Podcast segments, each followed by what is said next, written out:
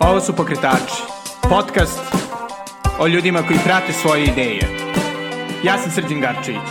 Dobrodošli. Ćao i dobrodošli u Pokretače.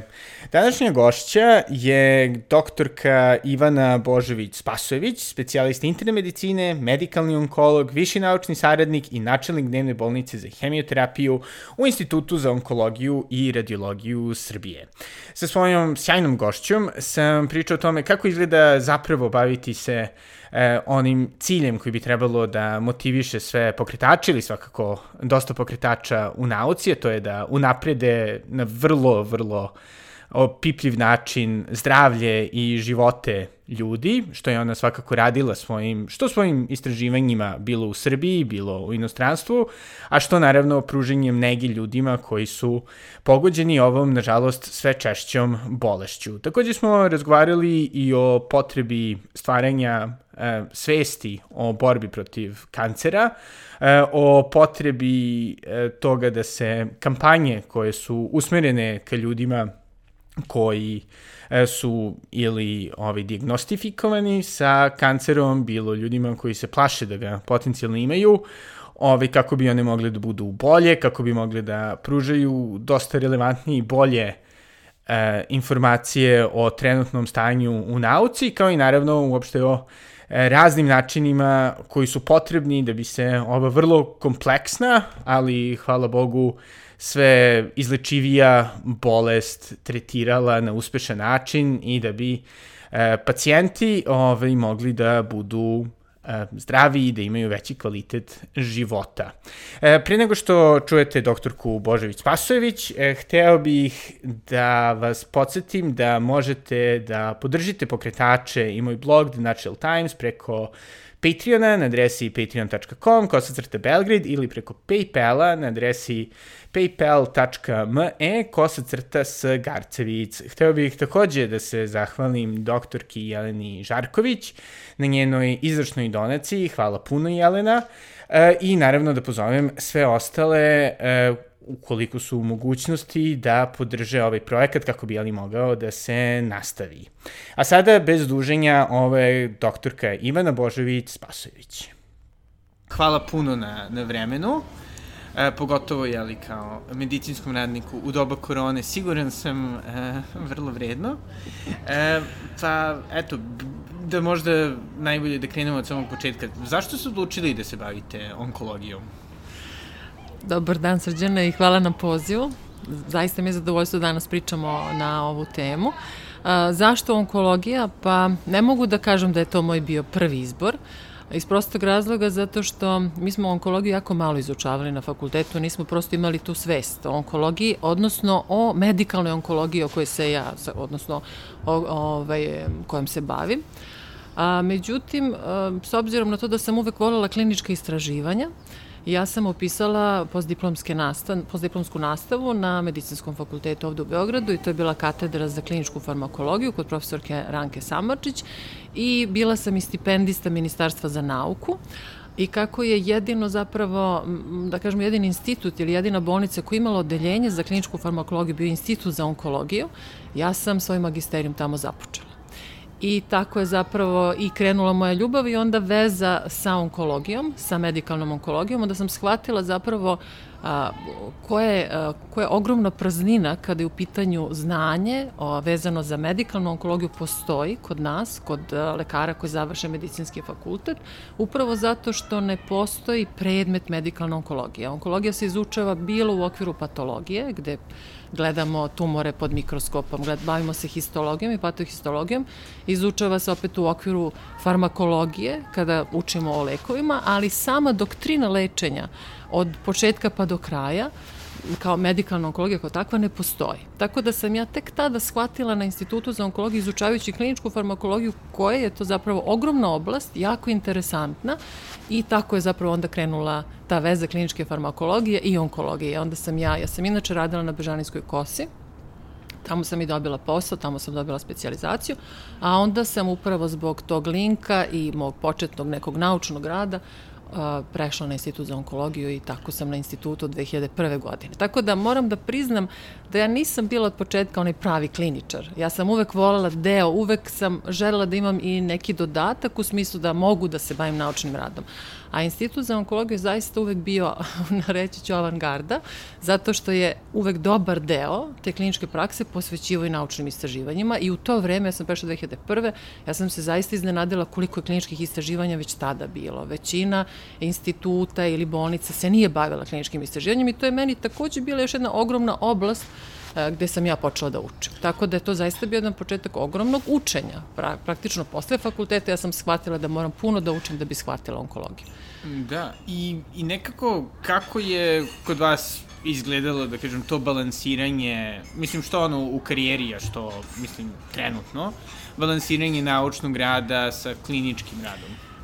Suštinski vas zaista malo ko motiviše da se bavite naučnim radom, a, a reći ću i zašto, zato što je danas onkologija u Srbiji jako centralizovana. Inače je centralizovana, ali sada sa velikim brojem pacijenata Institut za onkologiju više ne može da pro, praktično a, prihvati sve te pacijente. A centralizacija onkologije to je dugotreban proces koga treba zapravo menjati i trebali smo da počnemo da ga menjamo mnogo ranije da sekundarne bolnice, sekundarni centri prihvate veliki broj pacijenata. I onda kada vi imate prenatrpanu kliničku praksu, onda imate malo vremena za klinička istraživanja koja ne moraju samo da budu kliničke istraživanja, mogu da budu i bazična istraživanja, zato što Institut za onkologiju kao institut ima i eksperimentalnu laboratoriju. Mi danas to zovemo translaciona istraživanja i to je neki link između bazičnog istraživanja i između kliničkog istraživanja. Većina dobrih onkoloških istraživanja jesu translacijone istraživanja gde vi na nivou tog tkiva, odnosno, ajde da kažemo uvek krenemo sa nekim bazičnim istraživanjem bilo na nivou tumorskog tkiva ili životinja, pa onda kada dobijemo neke početne signale efikasnosti ili nekih bioloških markera, mi onda idemo kroz kliničko istraživanje, kroz kliničke faze. Tako da, ne mogu da kažem da vas praksa motiviše, jer je praksa zaista prenapregnuta, ali za ljude koji vole kliničko istraživanje i koji shvataju njihov značaj, vama je zaista da biste napredovali, neophodno da nešto razumete i neophodno da shvatite da a, prosto jedino kroz kliničko istraživanje ćete dobiti odgovore na neka pitanja, onda ćete svoje vreme izdvojiti. Nažalost, to vreme često izdvajate van svog radnog vremena ili recimo ovaj, vikendom, što mislim da to je jedna razlika recimo između uh, kliničke prakse u Srbiji i kliničke prakse u inostranstvu. Jer kada vi radite u inostranstvu, ja sam imala prilike da to radim, vas jako motivišu da se bavite kliničkim istraživanjima, zato što taj institut a, praktično zna da će dobrim publikacijama i dobrim naučnim radovima zaista moći da bude deo nekog većeg kliničkog istraživanja i nekih dobrih rezultata i biti na dobrom glasu. Ljudi će želeti tamo da se leče. Kod nas još uvek ne postoji ta svest. Znate, tako da mislim da je veliki problem onkologije u Srbiji upravo ta centralizacija. Mm, da. I podrška. Da, i ovaj, pomenuli ste, jeli, razliku između onkologije u Srbiji i onkologije u svetu. Izuzev, da kažem, decentralizacije i fokusa na istraživanje, šta biste još rekli da su...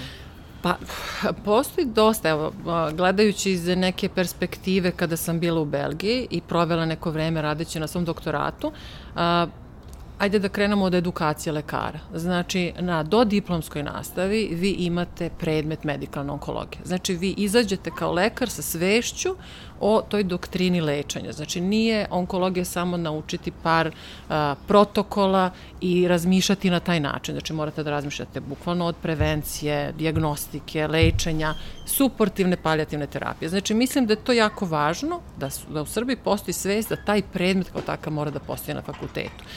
Jer onda će lekari onkolozi, koji u Srbiji ima jako malo, vi nemate više od 200 medikalnih onkologa. Pričat ćemo šta su onkolozi, pošto ljudi takođe e, te da. termine mešaju ovaj, mi bismo onda imali mnogo veću podršku lekara iz primarne zdravstvene zaštite, znači domova zdravlja koji bi razumeli taj koncept lečenja i ne bi za svaki problem slali pacijente na institut. Naravno da to zaista i pravi veliki problem u smislu čekanja, adekvatne, tako, terapije, nege, podrške, kako god. Znači, mora se raditi na edukaciji. Mi smo, zahvaljujući uh, Evropskom udruženju onkologa, to je ESMO, naše strukovno udruženje, uspeli da, uh, da zapravo ministarstvu predočimo važnost specializacije. Tako da od pre dve godine postoji specializacija medikalni onkolog, što takođe mislim da je važno. Tako da u odnosu znači, na edukaciju mi jesmo malo iza Evrope. Znači moramo prepoznati prvo taj predmet i jedno opšte znanje kod lekara vezano za a, za sistemsko lečenje tumora. A onda ako krenemo dalje, osim centralizacije koju sam pomenula i te veće podrške manjih centara, jer se ne mogu svi pacijenti lečiti u jednom centru, a recimo institut ima godišnje oko 6000 novodiagnostikovanih pacijenata, onda vama treba puno, velika, mislim, velika podrška, tako, ja se nadam da će se taj novi centar onkološki izgraditi, o kome dugo pričaju. I naravno eh, u odnosu, ajde da završim tu temu lečenja, mislim da ako upoređujem lečenje sa zemljama zapadne Evrope, činjenica da kod nas postoji manje eh, dostupne inovativne terapije. Aha. Znači, to jeste. Sad, ljudi naravno misle da je sva inovativna terapija super efikasna, što opet nije, i da cena, koja je uvek visoka, nažalost, se meri sa efikasnošću leka, što opet nije istina, ali nam je opet Evropsko udruženje onkologa pomoglo da napravimo neke kriterijume koji su to lekovi koji se mogu smatrati, ajde da kažemo, kao što je Svetska zdravstvena organizacija napravila listu esencijalnih lekova, tako smo i mi napravili listu onih osnovnih, da kažemo, onkoloških lekova koje bismo trebali da imamo u zemlji. I to su dva kriterijuma koje su oni procenjivali, to je efikasnost leka na osnovu kliničkih studija, to su, da kažem, najvalidni naučni podaci i na osnovu podnošljivosti. Jer možete vi da imate efikasan lek, ali ako je on toksičan, ništa ne vredi. Znači, moramo da balansiramo te dve stvari. I onda ako gledamo, znači, te kriterijume efikasnosti, mi tačno imamo spisak lekova koje bismo trebali da imamo. Mi ne možemo da kažemo da sve te lekove danas imamo u Srbiji. Ima dosta novih lekova, ali su ti svi lekovi zaista iskupi. I danas onkološki pacijenti duže leče, i prosečno preživljavanje naročito tih metastatskih bolesti jeste duže i to naravno zahteva određenu, tako, ovaj, određene troškove. A, još jedna bitna razlika ako, ako posmatramo u odnosu na zemlje Zapadne Evrope jeste činjenica da mi nemamo svest o preventivnim pregledima i kod nas, nažalost, mnogi pacijenti koji se jave imaju već u trenutku postavljene diagnoze metastatsku bolest toga mnogo manje ima u zemljama Zapadne Evrope, zato što oni za određene, ne za sve tumore, ali za određene tumore imaju screening. To je karcinom dojke, to je karcinom grlića materice, to je debelog creva i ovaj, I za te tumore, znači oni mogu da naprave tako godišnji screening i kada vi rano otkrijete tumor, taj tumor zaista se sa velikim uspehom može lečiti. Kod nas, iako smo mi zapravo imali tu svest, nažalost, ti screening pregledi nisu dovoljno dobro implementirani, bilo da se pacijenti, u stvari to, to je zdrava populacija, ne pacijenti, ne odazivaju na pozive ili da jednostavno nemamo odgovarajuću podršku u primarnoj zdravstvenoj zaštiti, to su domovi zdravlja. Tako da je, i ne samo kada govorimo o tumorima, nego uopšte ta svest kod nas o zdravlju, čini mi se da je manje prisutna. Kada govorimo o načinu ishrane, fizičkoj aktivnosti, pušenju, jer istočna Evropa i dalje je po učestalosti karcinoma pluća praktično kod muškaraca na prvom mestu. Tako da, to su te neke razlike. Da, i kao što ste jeli, sami rekli, s jedne strane imamo te, da kažem, faktore okruženja, uopšte, uslovno rečeno, čak i kulturne faktore koji utiču i koji dosta dovode do, do porasta broja e, ljudi sa, sa raznim malignim oboljenjima, e, ali isto tako pomenuli ste baš tu svest kod samih jeli, lekara o onkologiji. Šta mislite, čisto eto, pošto pretpostavljam da je većina slušalaca su lajci, Ovaj, šta to tačno, je li podržano, znači, je li tako? Pretpostavljam preventivu, uopšte svest o tome šta utiče na rakove, da. što mediji ne pomažu, pošto da, sve da, da. izaziva da. rak. Da, pa u suštini, znači mi znamo koji su faktori koji mogu da, znači sigurno da postoji neki faktori na koje ne možemo da utičemo. Tu se najčešće odnosi recimo na nasleđe, jel? Ili koliko možemo sad, evo pričamo o zagađenju vazduha, koliko možemo, možemo, tako kao zajednica da utičemo, ali sad ali ono što je do nas, što možemo da radimo, sigurno jeste da prestanemo da pušimo. Mi znamo koliko je pušenje štetno, pa opet ja često u svojoj ambulanti imam pacijentkinje koje, su, koje primenjuju uh, prosto ja gradim neki iskreni odnos sa pacijentima i pacijenti mi uvek kažu šta koriste i koriste razne alternativne preparate i sada na toj listi alternativnih preparata koji, kojih ima recimo 20-ak, ajdemo da kažemo neki su i suplementi, nisu alternativu u smislu da su zamenili lečenje, ali pušenje ovaj, i dalje je tu. Da. Znači, postoji ta svest da ja moram nešto da radim, bavim se nekom fizičkom aktivnošću, ali ne mogu da prevaziđem to da trebam prvo da ostavim pušanje, jer to nije samo za karcinom pluća, to je i za ostale tumore važno. Znači, od tih nekih prostora, fizička aktivnost, gojaznost je isto jedan od faktora rizika za tumore, mnoge tumore. Alkohol takođe, znači može umereno, ali ne. Onda naravno imamo virusne bolesti, koje takođe jesu uh, spregnute sa nekim oblicima karcinoma. Da Kako da ne? Znači, a, papiloma virus, je tako, on pravi a, bilo karcinom usne duplje, bilo karcinom polnih organa, tako se i prenosi i zato danas postoji efikasna vakcina, je tako, koja je registrovana u Srbiji, nažalost ne pokriva fond, ali je ona registrovana i stoje preporuke naravno da se deca pre stupanja u seksualne odnose mogu vakcinisati. Međutim, oni su kasnije pomerili tu granicu i rekli da mogu i do 25. godine da se vakcinišu. Mi znamo da ona smanjuje prenos tih papiloma virusa ima puno, znači ima preko 100, jedino znači za one najčešće koji su povezani sa upravo tipom ovih karcinoma koje se javljaju. Hepatocelularni karcinom, karcinom jetra takođe vezan za hepatitis C, tako, hepatitis. Tako da postoje, o, ili recimo kapošev sarkom koji se javlja kod HIV pozitivnih. To su sve virusom uzrokovani tumori. Znači, postoji neka prevencija. A, ajde da krenemo od karcinoma dojke. Karcinom dojke koji, zaista kada vi imate ženu koja ima mali tumor, koji je tumor oko centimetar, koji se nigde nije proširio, nju će operacija. 90% takvih žena će biti izlečeno samo operativnim lečenjem a opet imate, to nema veze čak ni sa obrazovanjem, niti sa mestom gde te žene žive. Vi imate, ja sam imala u kliničkoj praksi i doktorke koje su dolazile sa velikim tumorima dojke. To je verovatno strah. To već više da. nije stvar znanja, već stvar, stvar straha. Odnose prema da, zdravlju. Da, da. Ili strah od istine. Pa da. Ja znam da je to nešto loše, ali ja želim da to odložim. Hm. Tako da ima i toga, naravno ne treba to osuđivati, jeli? Ali, ove, ali treba raditi na svesti, jer mislim, ako krenemo od toga da i mnogi lekari nemaju formalno obrazovanje tokom studiranja kada je u pitanju sistemsko lečenje. Evo, mi sada na medicinskom fakultetu imamo predmet koji se zove klinička onkologija, To je jednosemestralni predmet koji se polaže u vidu testa i najvećim delom podrazumeva hirurgiju, a to je ono što sam htjela da vam kažem, ljudi obično mešaju šta je onkolog. Znači, podrazumeva hirurgiju radioterapiju, a jako malo se izučava opet medikalna onkologija. I mislim da je to isto jedan, eh, kako da kažem, to pružanje informacija na tom primarnom nivou o izlečivosti, rane bolesti, maligne bolesti, je jako važno i sigurno bi motivisalo ljude da se više javljaju. Jer samo praktično rana bolesti. Ja se najviše bavim karcinomom dojke i ginekoloških organa, ali samo rani tumori su praktično potpuno izlečeni. E, danas mi možemo dugo da lečimo opet e, metastatske bolesti, s tim da su neke metastatske bolesti izlečive.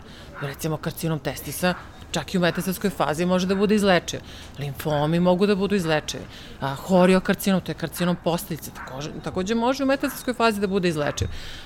Neki tumori se dugo leče metastatski. Dojka može da se leči 10 godina u metastatskoj fazi, da te žene zaista budu aktivne, da imaju dobar kvalitet života, a opet imate tumore čija je prognoza loša u metastatskoj bolesti, a to su karcinomi pluća i melanomi, uprkos tome što smo mi i taj njihov tok promenili sa inovativnom terapijom, ali oni dalje imaju to kratko preživljavanje. I zato ja sam a, pričala o tome koliko su bitne zapravo i te kampanje da. osvestiti ljude.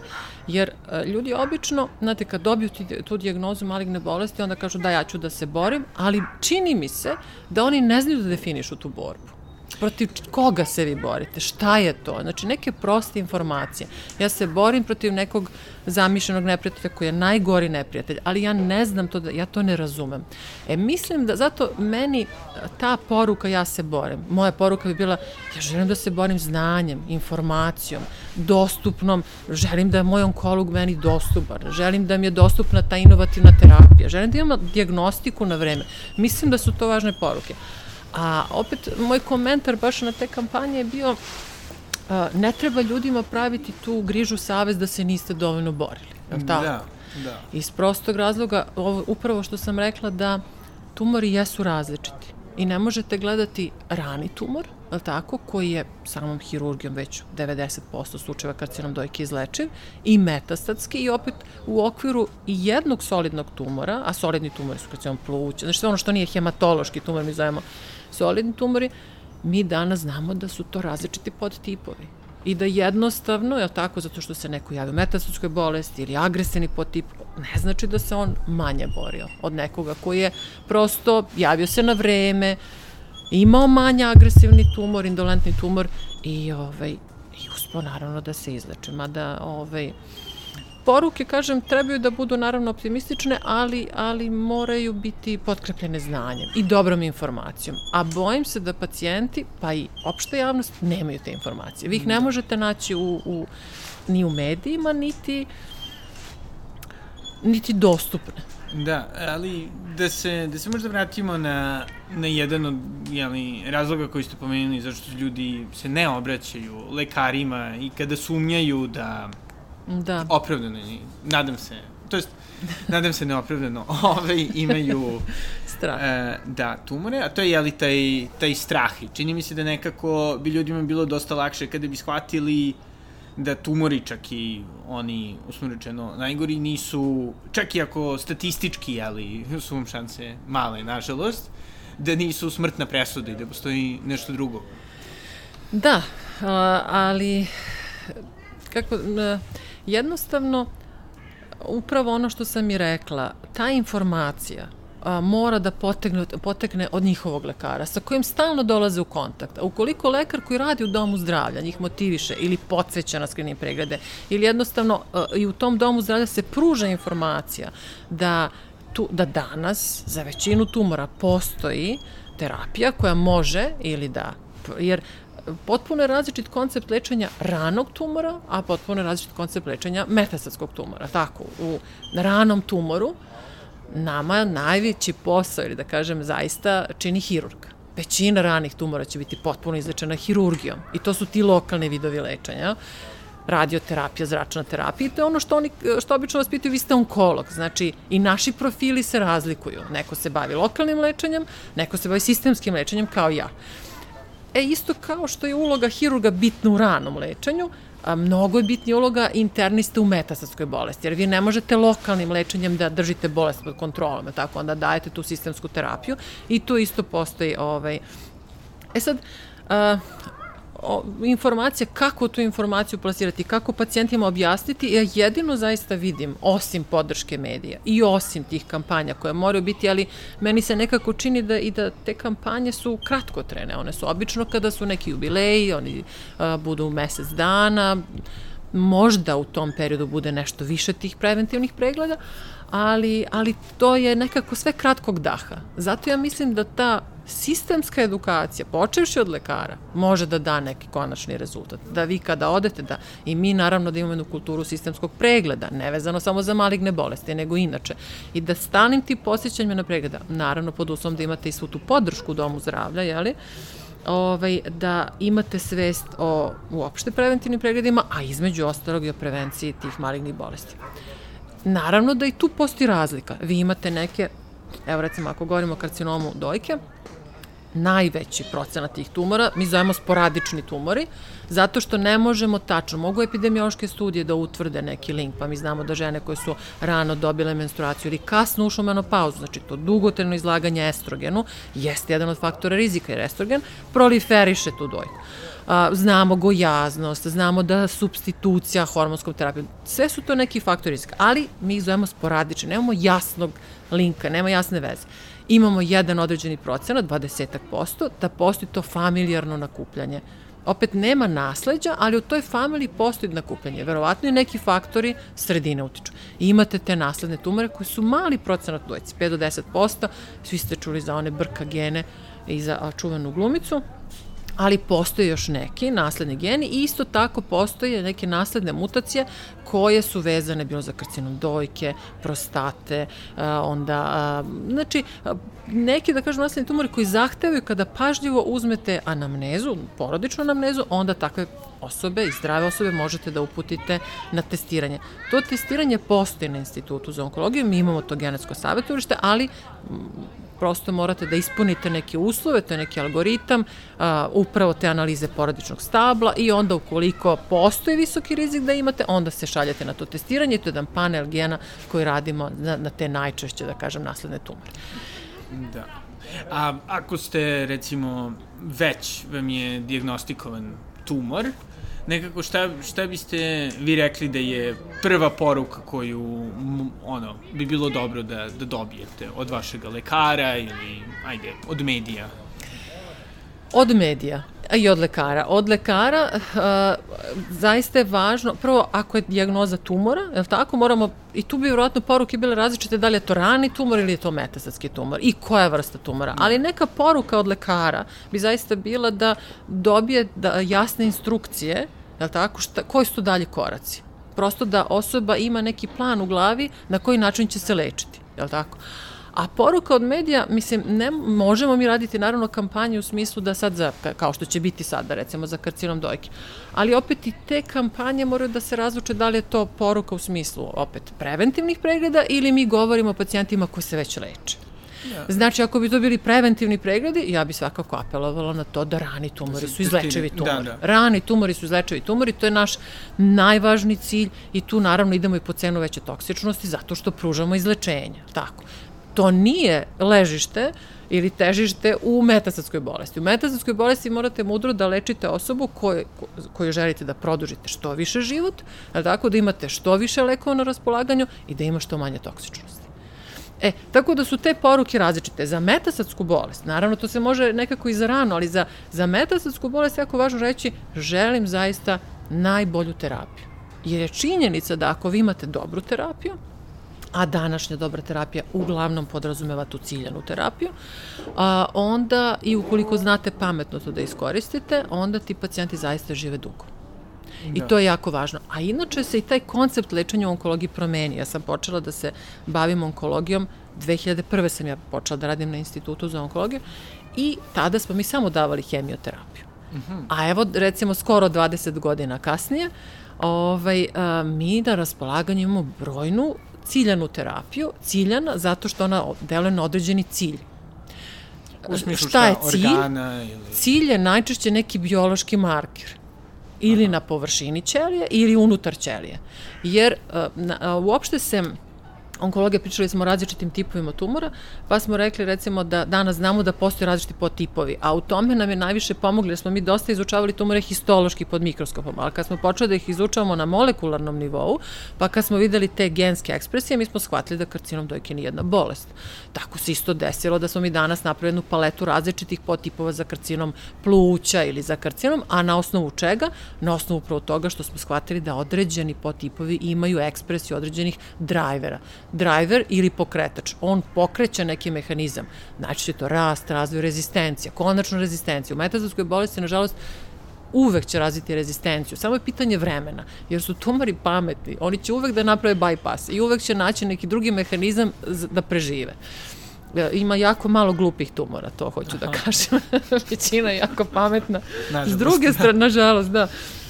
S druge strane, mi imamo neka i naivna razmišljanja u smislu da, a, to su isto pokazali istraživanja, osoba koja ima metastatsku bolest, ako radite biopsije sa više mesta, taj tumor može da ima različiti profil. Znači, toliko je kompleksno da vi, isto kao što se dešava kada lečite pacijenta, negde imate odgovor, negde nemate odgovor.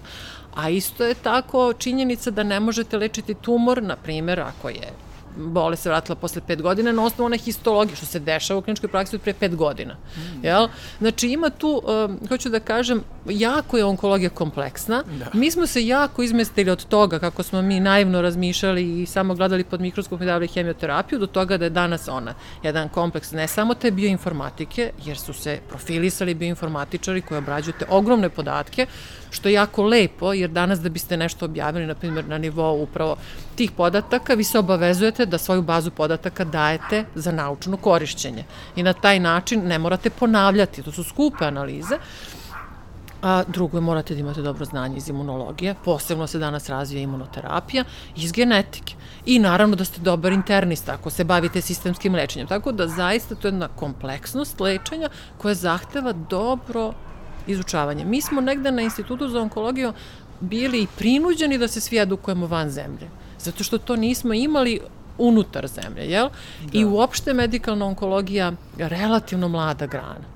Da, i čini mi se kako sam imao pa svakako privilegiju da znam e, dosta ljudi koji su imali zapravo metastatske tumore i mm -hmm. s njima na različite načine borili i bore se. Ove, to je baš taj neki osjećaj, ali post, znači post diagnoze, taj neki osjećaj e, te ogromne kompleksnosti koje s jedne strane ono, bilo kom intelektualnom čoveku je vrlo zanimljiva, pogotovo yes. volite malo da istražujete, volite da čitate na internetu, ali opet sa druge strane, ako ste u poziciji nekoga kome je nešto vrlo Ko život strašno, zavisi da, od da, toga, da, da, da, onda... Ove, s jedne strane, zapravo je to šokantno koliko hipotetičke analize vi možete da uopšte imate, koje uopšte opcije sve postoje ali na Tako svetu, je. ako želite. Nekako šta vi savetujete ljudima da... Da, a, veoma je lepo da odete uvek da tražite drugo mišljenje. Ja uvek to volim i uvek savetujem za ljude koji su u mogućnosti.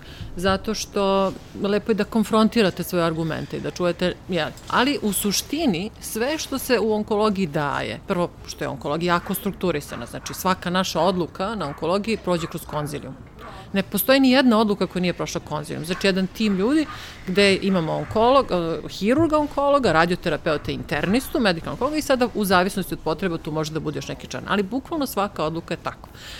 A, s, a, vodiči naši se praktično, ne naši nacionalni, ali se mi uglavnom baziramo na evropske i na američke, Oni se godišnje ažuriraju i šta uđe u te vodiče? Uđu samo one terapije koje imaju najviši nivo dokaza.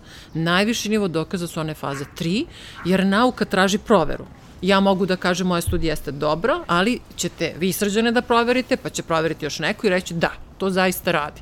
Znači, taj najviši nivo dokaza i na osnovu tog najvišeg nivoa dokaza mi smo i postavili neke e, linije ili prioritete lečenja.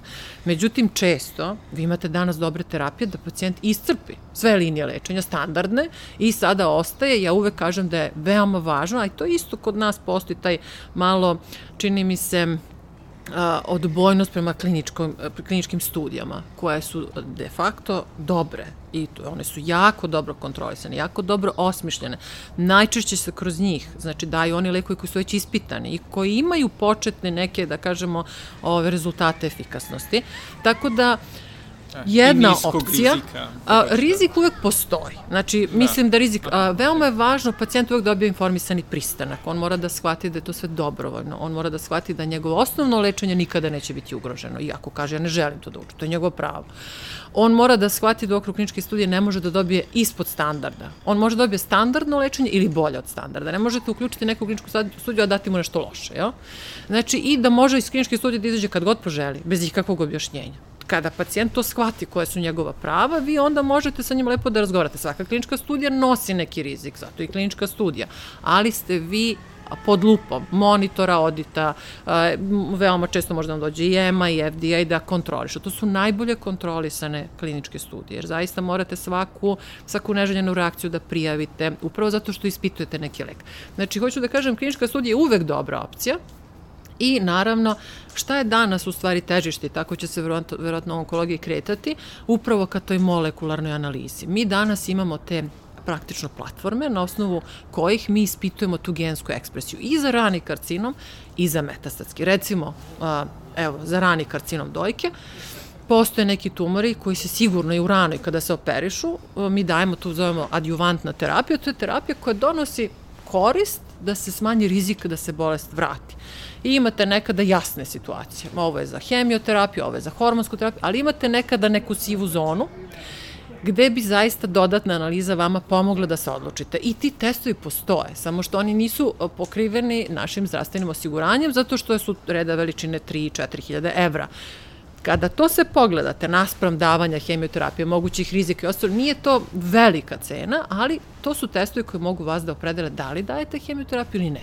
Znači oni daju neku dodatnu informaciju odnosno na one koje mi u klinici dobijamo na osnovu morfologije samo, na osnovu te genske ekspresije, jer su to algoritmi koji svrstaju pacijente u niskorizične ili visokorizične. -hmm. To je za rani tumor. To je jako važno. A, to većina, znači, ovaj, a, da kažem, jeli, a, onkoloških instituta i bolnica radi na zapadu, znači za određene tipove tumora, ne za sve. E, isto tako postoje te platforme, te, ovaj, tog molekularnog profilisanja u metastatskom tumoru, ali to ljudi moraju da shvate da ono što sam rekla, postoji strukturisana terapija i postoje ti testovi kada vi recimo, šta može da vam se desi? Vi kažete pacijentu u redu, možete da uradite taj molekularni test, to je sada ultra fancy, uh, zvuči dobro i tako. I onda vam dođe pacijent koji ima neku mutaciju za koju nemate sintetisan lek. Da. Znači, nemate sintetisan, a vi ste mu rekli to uradite. Znači, Ukoliko biste vi pacijentu dali informaciju da on može da uradi test, ali da to nosi naravno i veliki rizik, da upravo to nema sintetisanog leka za tu mutaciju, nemamo nikakvu naučnu informaciju vezano za to, ili nikada lek nije ispit, odnosno ne lek, ali prosto nemamo informaciju za tu mutaciju onda se postaje pitanje važnosti tog testa, odnosno onda će vas pacijent na kraju pitati, dobro, zašto ste mi rekli da to uradim ako ja nikakve koristi od toga nemam. Da. Tako da se da, ti testovi zapravo danas čak ni vodiči ih nisu pozicionirali u regularnu kliničku praksu, ali je sigurno to put napretka. I ako pacijent razume koji je rizik, on može to da radi, ali da ne bude, da ne bude to one situacije, vi ste mi rekli, sada posle toga nemam nikakav korak dalje. Razumete? A, ono što obično rade na zapadu, to je da postoje ti trajali, jer i, naravno to molekularno profilisanje tumora potpuno je promenilo i ta klinička istraživanja. Mi smo ranije radili klinička istraživanja, pa sve pacijente stavimo isti koš i dajemo im isti lek. I onda vi shvatite da neki reaguju ili neki ne reaguju. E sada vi ih delite, to su ti basket trajali i tako za umbrella trajali, gde vi na osnovu bioškog markera ispitujete određeni lek u određenoj populaciji pacijenata i naravno da su ti trajali brži, zahtevaju manji broj pacijenata i zato u onkologiji danas se mnogo češće lekovi registruju samo na osnovu te faze 2, ne traže velike faze 3, velike faze 3 pošto je to ogroman novac, da. ogromno vreme, po 20 godina i na kraju može da se desi da je ta studija negativna i da je taj novac propao. E danas težište onkologiji stavlja na tu fazu 2 i da se tim brzim nekim kliničkim trijalima sa manjim brojem pacijenata fokusiranim ispitivanjem lekovi registruju i zaista se veliki broj lekova na taj način registruje. Ali, kažem opet vezano za to šta raditi, uvek je dobro čuti, jeli drugo mišljenje, nečije iskustvo, možda postoji, ja bih volela da postoji ta mogućnost da vi ste povezani sa kolegama u Evropi i da recimo kod tih redkih mutacija možete da napravite zajednički neki trial, jel? Da ispitujete neki lek, da skupite određeni broj pacijenata, što ljudi rade u Evropskoj uniji, mi smo malo skrajnuti, ali uvek, ja moram da pomenem da je tu isto institut um, jako uradio dobre stvari u smislu da smo se mi još još 2001. kada sam ja došla na institut, moja mentorka pokojna profesorka Zora Nešković, ona je već tada imala kontakte sa Evropskom organizacijom za istraživanje.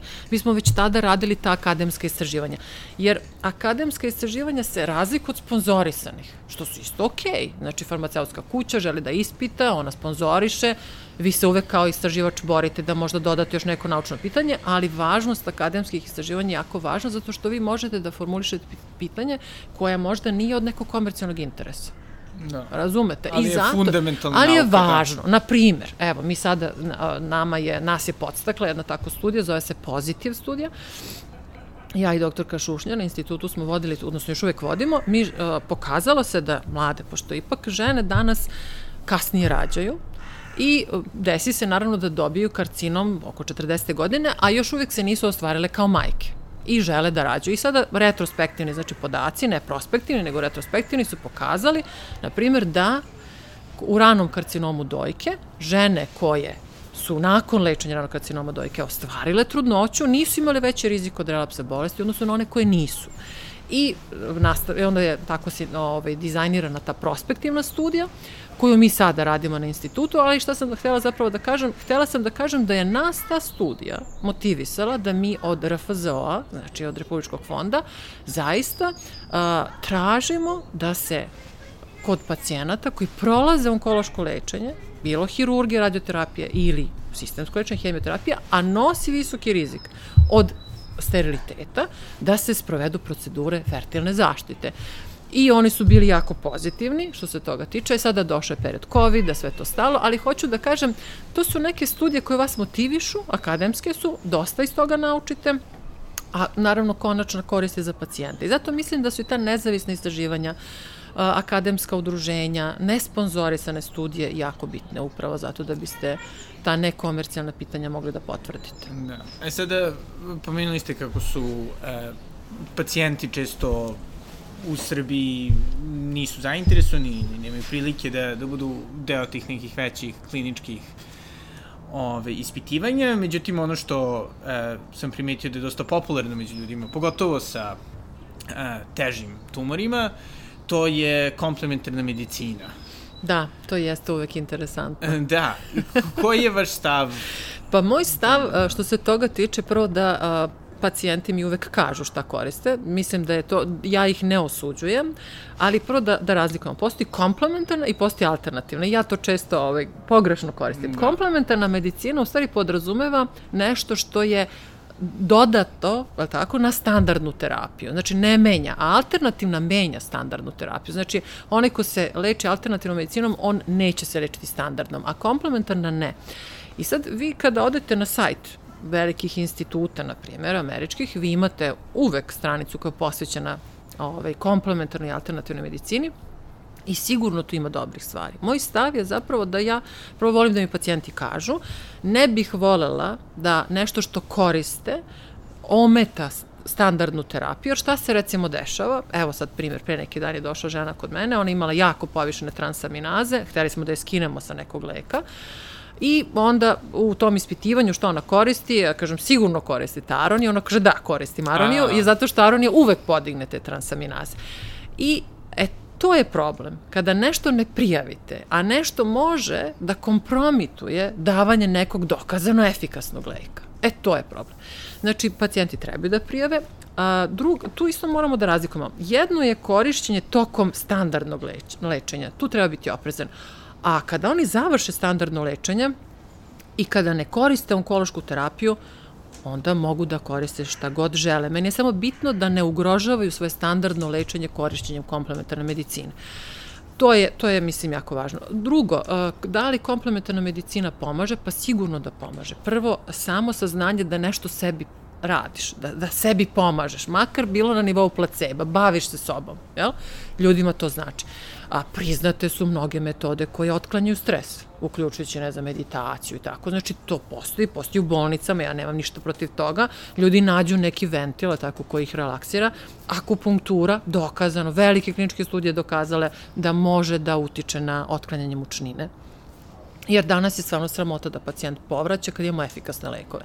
Kad smo mi počinjali da radimo, pacijenti su držali lavora, otprilike, primaju hemioterapiju. Danas toga više nema. Vi danas imate većinu efikasnih lekova, mi to zovemo suportivna terapija. Koliko je važna onkološka terapija, toliko je važna suportivna terapija. Da se Zato što, kvalitet života. Tako da. je, jer mnogi, mislim ranije, ne sada, ali ljudi odustanu od lečenja upravo zato što ako ćeš ti povraćati 24 časa i to te iscrpeti, tako, mislim, dobro ćeš se zapitati da li ćeš sledeći put doći. E, to ne sme danas da se desi. Zaista, ne bi trebalo da se desi, jer ima toliko efikasnih lekova da je nedopustivo. Akupunktura pomaže da se vratim temi. Drugo, kanabis koji opet ljudi pitaju i tako, mada sve te informacije stoje na, na sajtu našeg instituta, on njega, e, znači kanabis kao kanabis, nije registrovan, nije ga registruje FDA, jesu neki a, komercijalno dostupni preparati, ali ovaj, a, e, ono što sam htjela da kažem, on sigurno pomaže u otklanjanju a, stresa, otkla, boljem spavanju, popravljanju apetita, bola, to isto rade opijati koje mi dajemo, ali ljudi više vole, znate, posebno pogrešno mišljenje, ljudi misle to je prirodno, pa većina citostatika iz prirode potekla. Taksane koje mi dajemo u dojcu, to je iz tise napravljeno, iz vinka alkalida, mnogi citostatici. Znači, nije sve što dolazi iz prirode zdravo. Ljudi tako imaju predstavu, da ako ja koristim tako da je to sve zdravo. Nije. Tako da je jako važno to šta unosite tokom terapije, da se to iskontroliše, a sve što vi mislite da vam pomaže, a da ne smeta terapiji, ja sam tu zaista jako otvorena.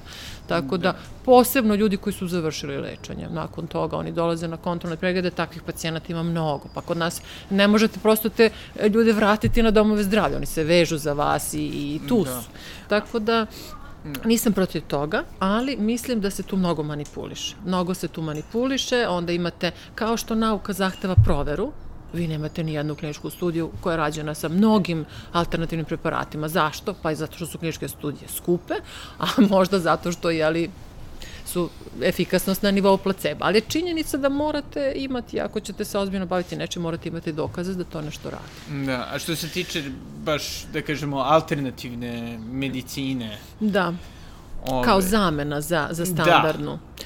Uh, ja sam skoro imala opet uh, jedan slučaj gista, gist je gastrointestinalni tumor i uh, digestivnog trakta i uh, bio je mladi dečko, dobio je, sećam se, imao je tu neku priču, dobio je, u, ove, dobili su njegova supruga dobila bebu i on je odustao od lečenja. Znači, on je bio operisan, nakon toga se bolest vratila i on je odustao od lečenja, vratio se posle par meseci, uh, sećam se, znači, njegovog izgleda, osim toga što je bio žut kao limun, on je imao takav tumor u stomaku da je otprilike izgledao kao da je u devetom mesecu trudnoće. A, I on se tada odlučio da se leči. Inače, gist se, on spada u te glupe tumore. On ima jednu mutaciju tokom čita sve vreme i jako se dobro leči imatinibom. Imatinib je lek koji je napravio revoluciju. I on je stekao naše poverenje već posle mesec, dva, kada se taj tumor zaista značajno smanjio. Taj dečko i dan danas prima tu terapiju i on je dobro. Uh, opet sam viđala mlade žene koje dođu na konzilijum radi se o ranom tumoru, pa onda nakon par meseci zato što odbiju, ali mislim one najviše odbiju zato što imaju te loše informacije. Zato što se neko od nečega izlečio, a to neko od nečega kad malo uđete u tu priču, to je kao što imate medijski uh, propraćene uh, ličnosti koje promovišu alternativnu medicinu, a ne govore da su se lečile standardnom terapijom.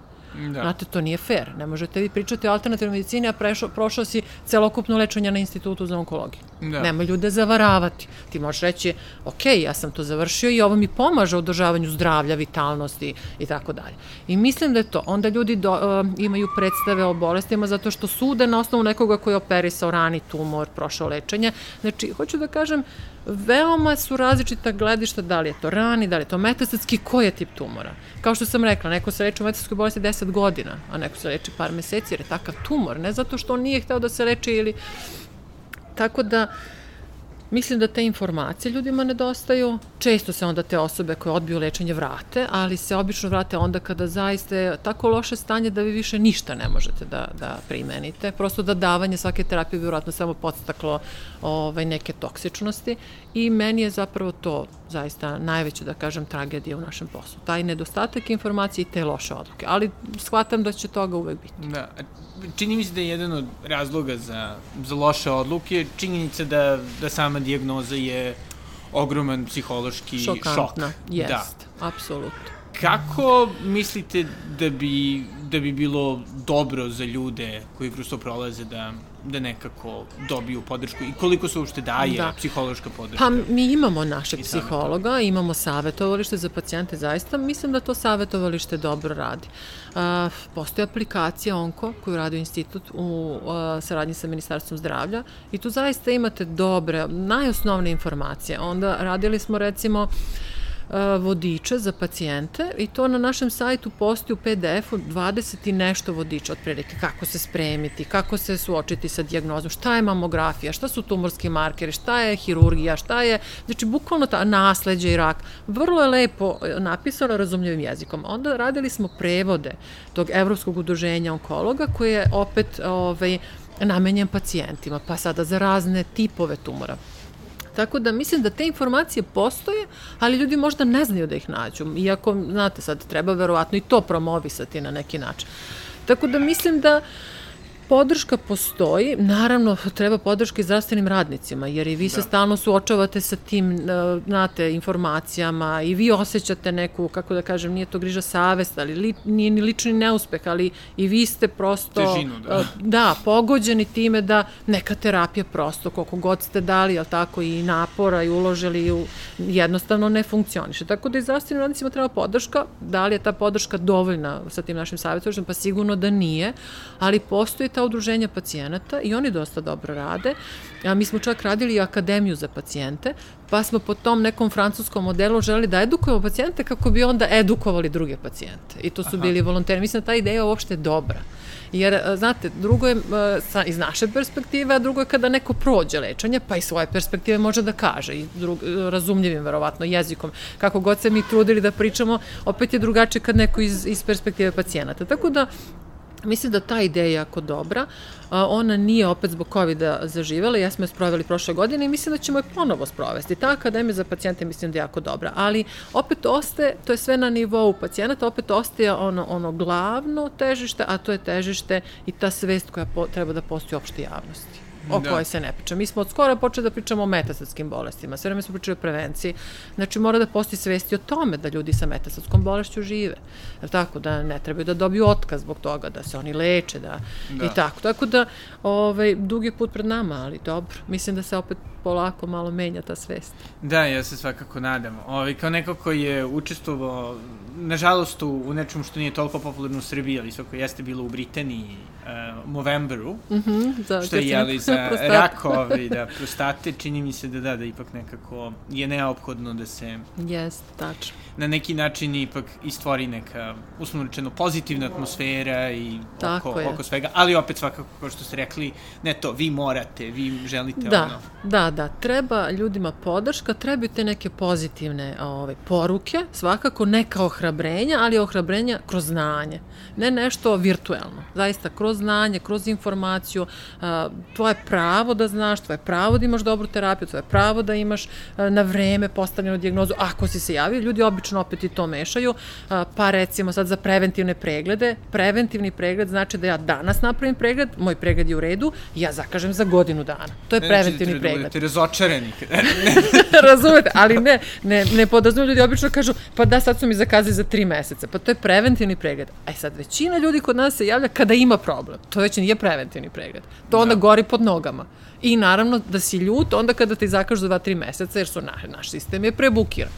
Tako da, da to je to, ali Ali moram priznati da ipak na konzilijumima, a ja idem skoro svaki dan na te konzilijume, javlja se zaista, najčešće sam na, na konzilijumu za karcinom dojke, javlja se dosta žena sa malim tumorima. Tako malim da morate ili ultrazvukom ili magnetom da obeležite to mesto. To su onda zaista male operacije koje ne remete estetiku. Ne mora da se, da se otklanjaju žlezde iz pazuha, jer ona obično nose tu problematiku oticanja ruke i tako.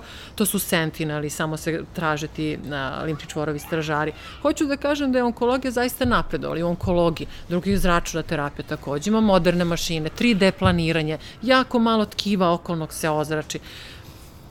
O sistemskoj terapiji sam dosta pričala i jednostavno sama budućnost te onkologije zaista ide u tom pravcu jer danas je sve precizna onkologija, precizna medicina, sve se kroji oko pacijenta, oko njegovih karakteristika, oko karakteristika tumora, tako da smo se izmestili iz onog koncepta, mi smo dugo imali koncept one size fits all, kao sve, sve isto. Sad smo se malo izmestili i mislim da će to biti zaista neka budućnost i, i istraživanja koja su u onkologiji zaista izvrsna, izvrsna, da. to samo pratite. I da, da završimo, naravno mogli bismo ovako satima, um, ali čisto me interesuje ovaj, da završimo ili na, na pozitivnom, na, na pozitivnoj pozitiv. noti.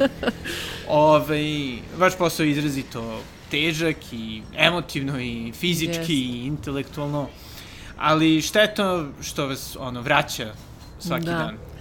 Da, a, htela sam jednu tužnu priču da ispričam, ali neću, odustaću, zato što ću se vjerojatno rasplakati, to mi se desilo sada za vikend. I tada, kada sam se čula sa ovaj, tim detetom koje me zvalo, plakala sam, što redko radim, ali eto. Ali ajdemo pozitivno. Ovaj, naravno da najveće zadovoljstvo je upravo to da možete nekome da pomognete kako god, da li ste mu pomogli u ranom otkrivanju, da li ste mu pomogli u tom dužem preživljavanju, kvalitetu života, neko vas, vi ste nekoga razumeli, pomogli ste, to je velika, kako da kažem, satisfakcija. A sa druge strane, ono što e, nosi, da kažem, ovaj posao kao dodatnu, ajde da, da kažem, radost, jeste i činjenica da sam često prisustvovala nekim Pa mogu zaista reći, uh, ajde da kažemo, tim nekim kliničkim otkrićima.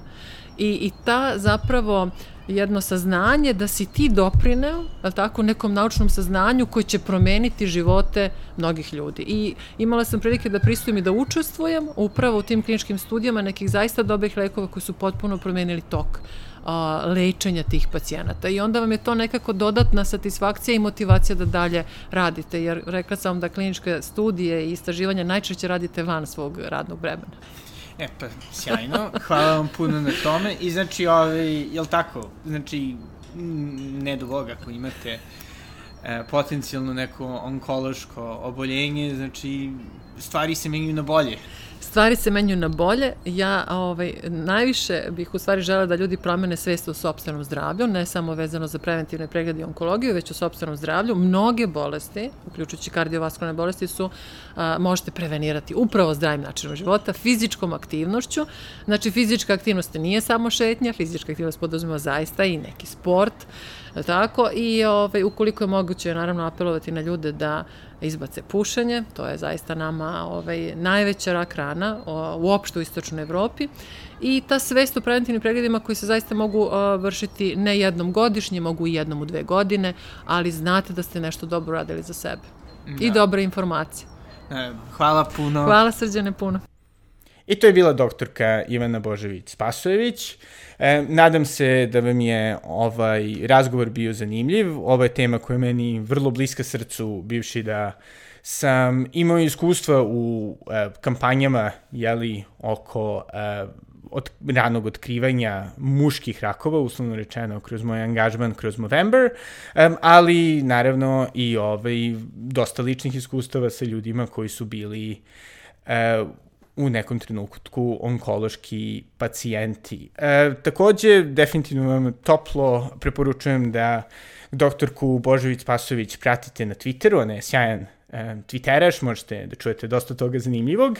E, I konačno, naravno, da se brinete o sobstvenom zdravlju, da se brinete o zdravlju ljudi oko vas i da budete puni nade E, svakako, ako će jedna stvar da bude dobra u ovih proteklih godinu dana u kojima smo non stop razmišljali o medicini, to je da ćemo možda, nadam se, biti svesni svih rizika e, koje savremeni život predstavlja, ali ne samo jeli, da budemo panično uplašeni istih, već da vidimo načine na koje možemo da svoj život i život sebi bliskih učinimo boljim kroz zdravije navike i jeli e, bilo telesne, a naravno bilo psihološke.